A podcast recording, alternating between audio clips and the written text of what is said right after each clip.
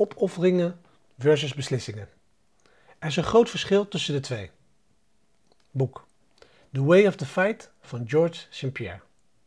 George St. Pierre is een van de grootste mixed martial arts vechters ter wereld en die er ooit is geweest.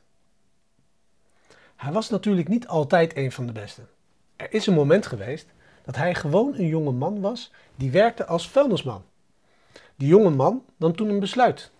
Het besluit was dat hij de beste ter wereld zou worden. Mensen om hem heen dachten dat hij gek was. Natuurlijk, wie zegt nou dat soort dingen? Hint. Mensen die een kans hebben om het te laten gebeuren. Dus toen George besloot dat hij de beste ter wereld zou zijn in wat hij wilde doen, besloot hij ook wat hij niet zou doen.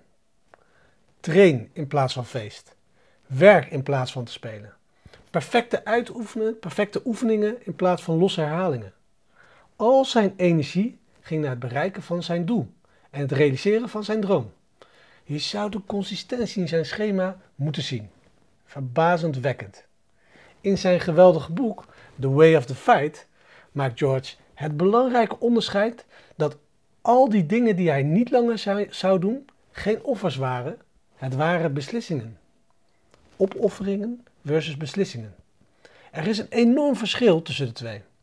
De een komt met een zeurende stem en de ander komt met kalme vertrouwen en de gegronde authentieke kracht van een betrokken persoon. De praktische toepassing van de microblog van vandaag komt met een vraag. Wie heb jij besloten om te zijn? Welke beslissingen moet jij nemen om alles wat je hebt te focussen? PS. Onthoud. De Latijnse wortel van het woord beslissen betekent letterlijk afsnijden. Als we een echte beslissing nemen, sluiten we al het andere uit en gaan we er volledig in.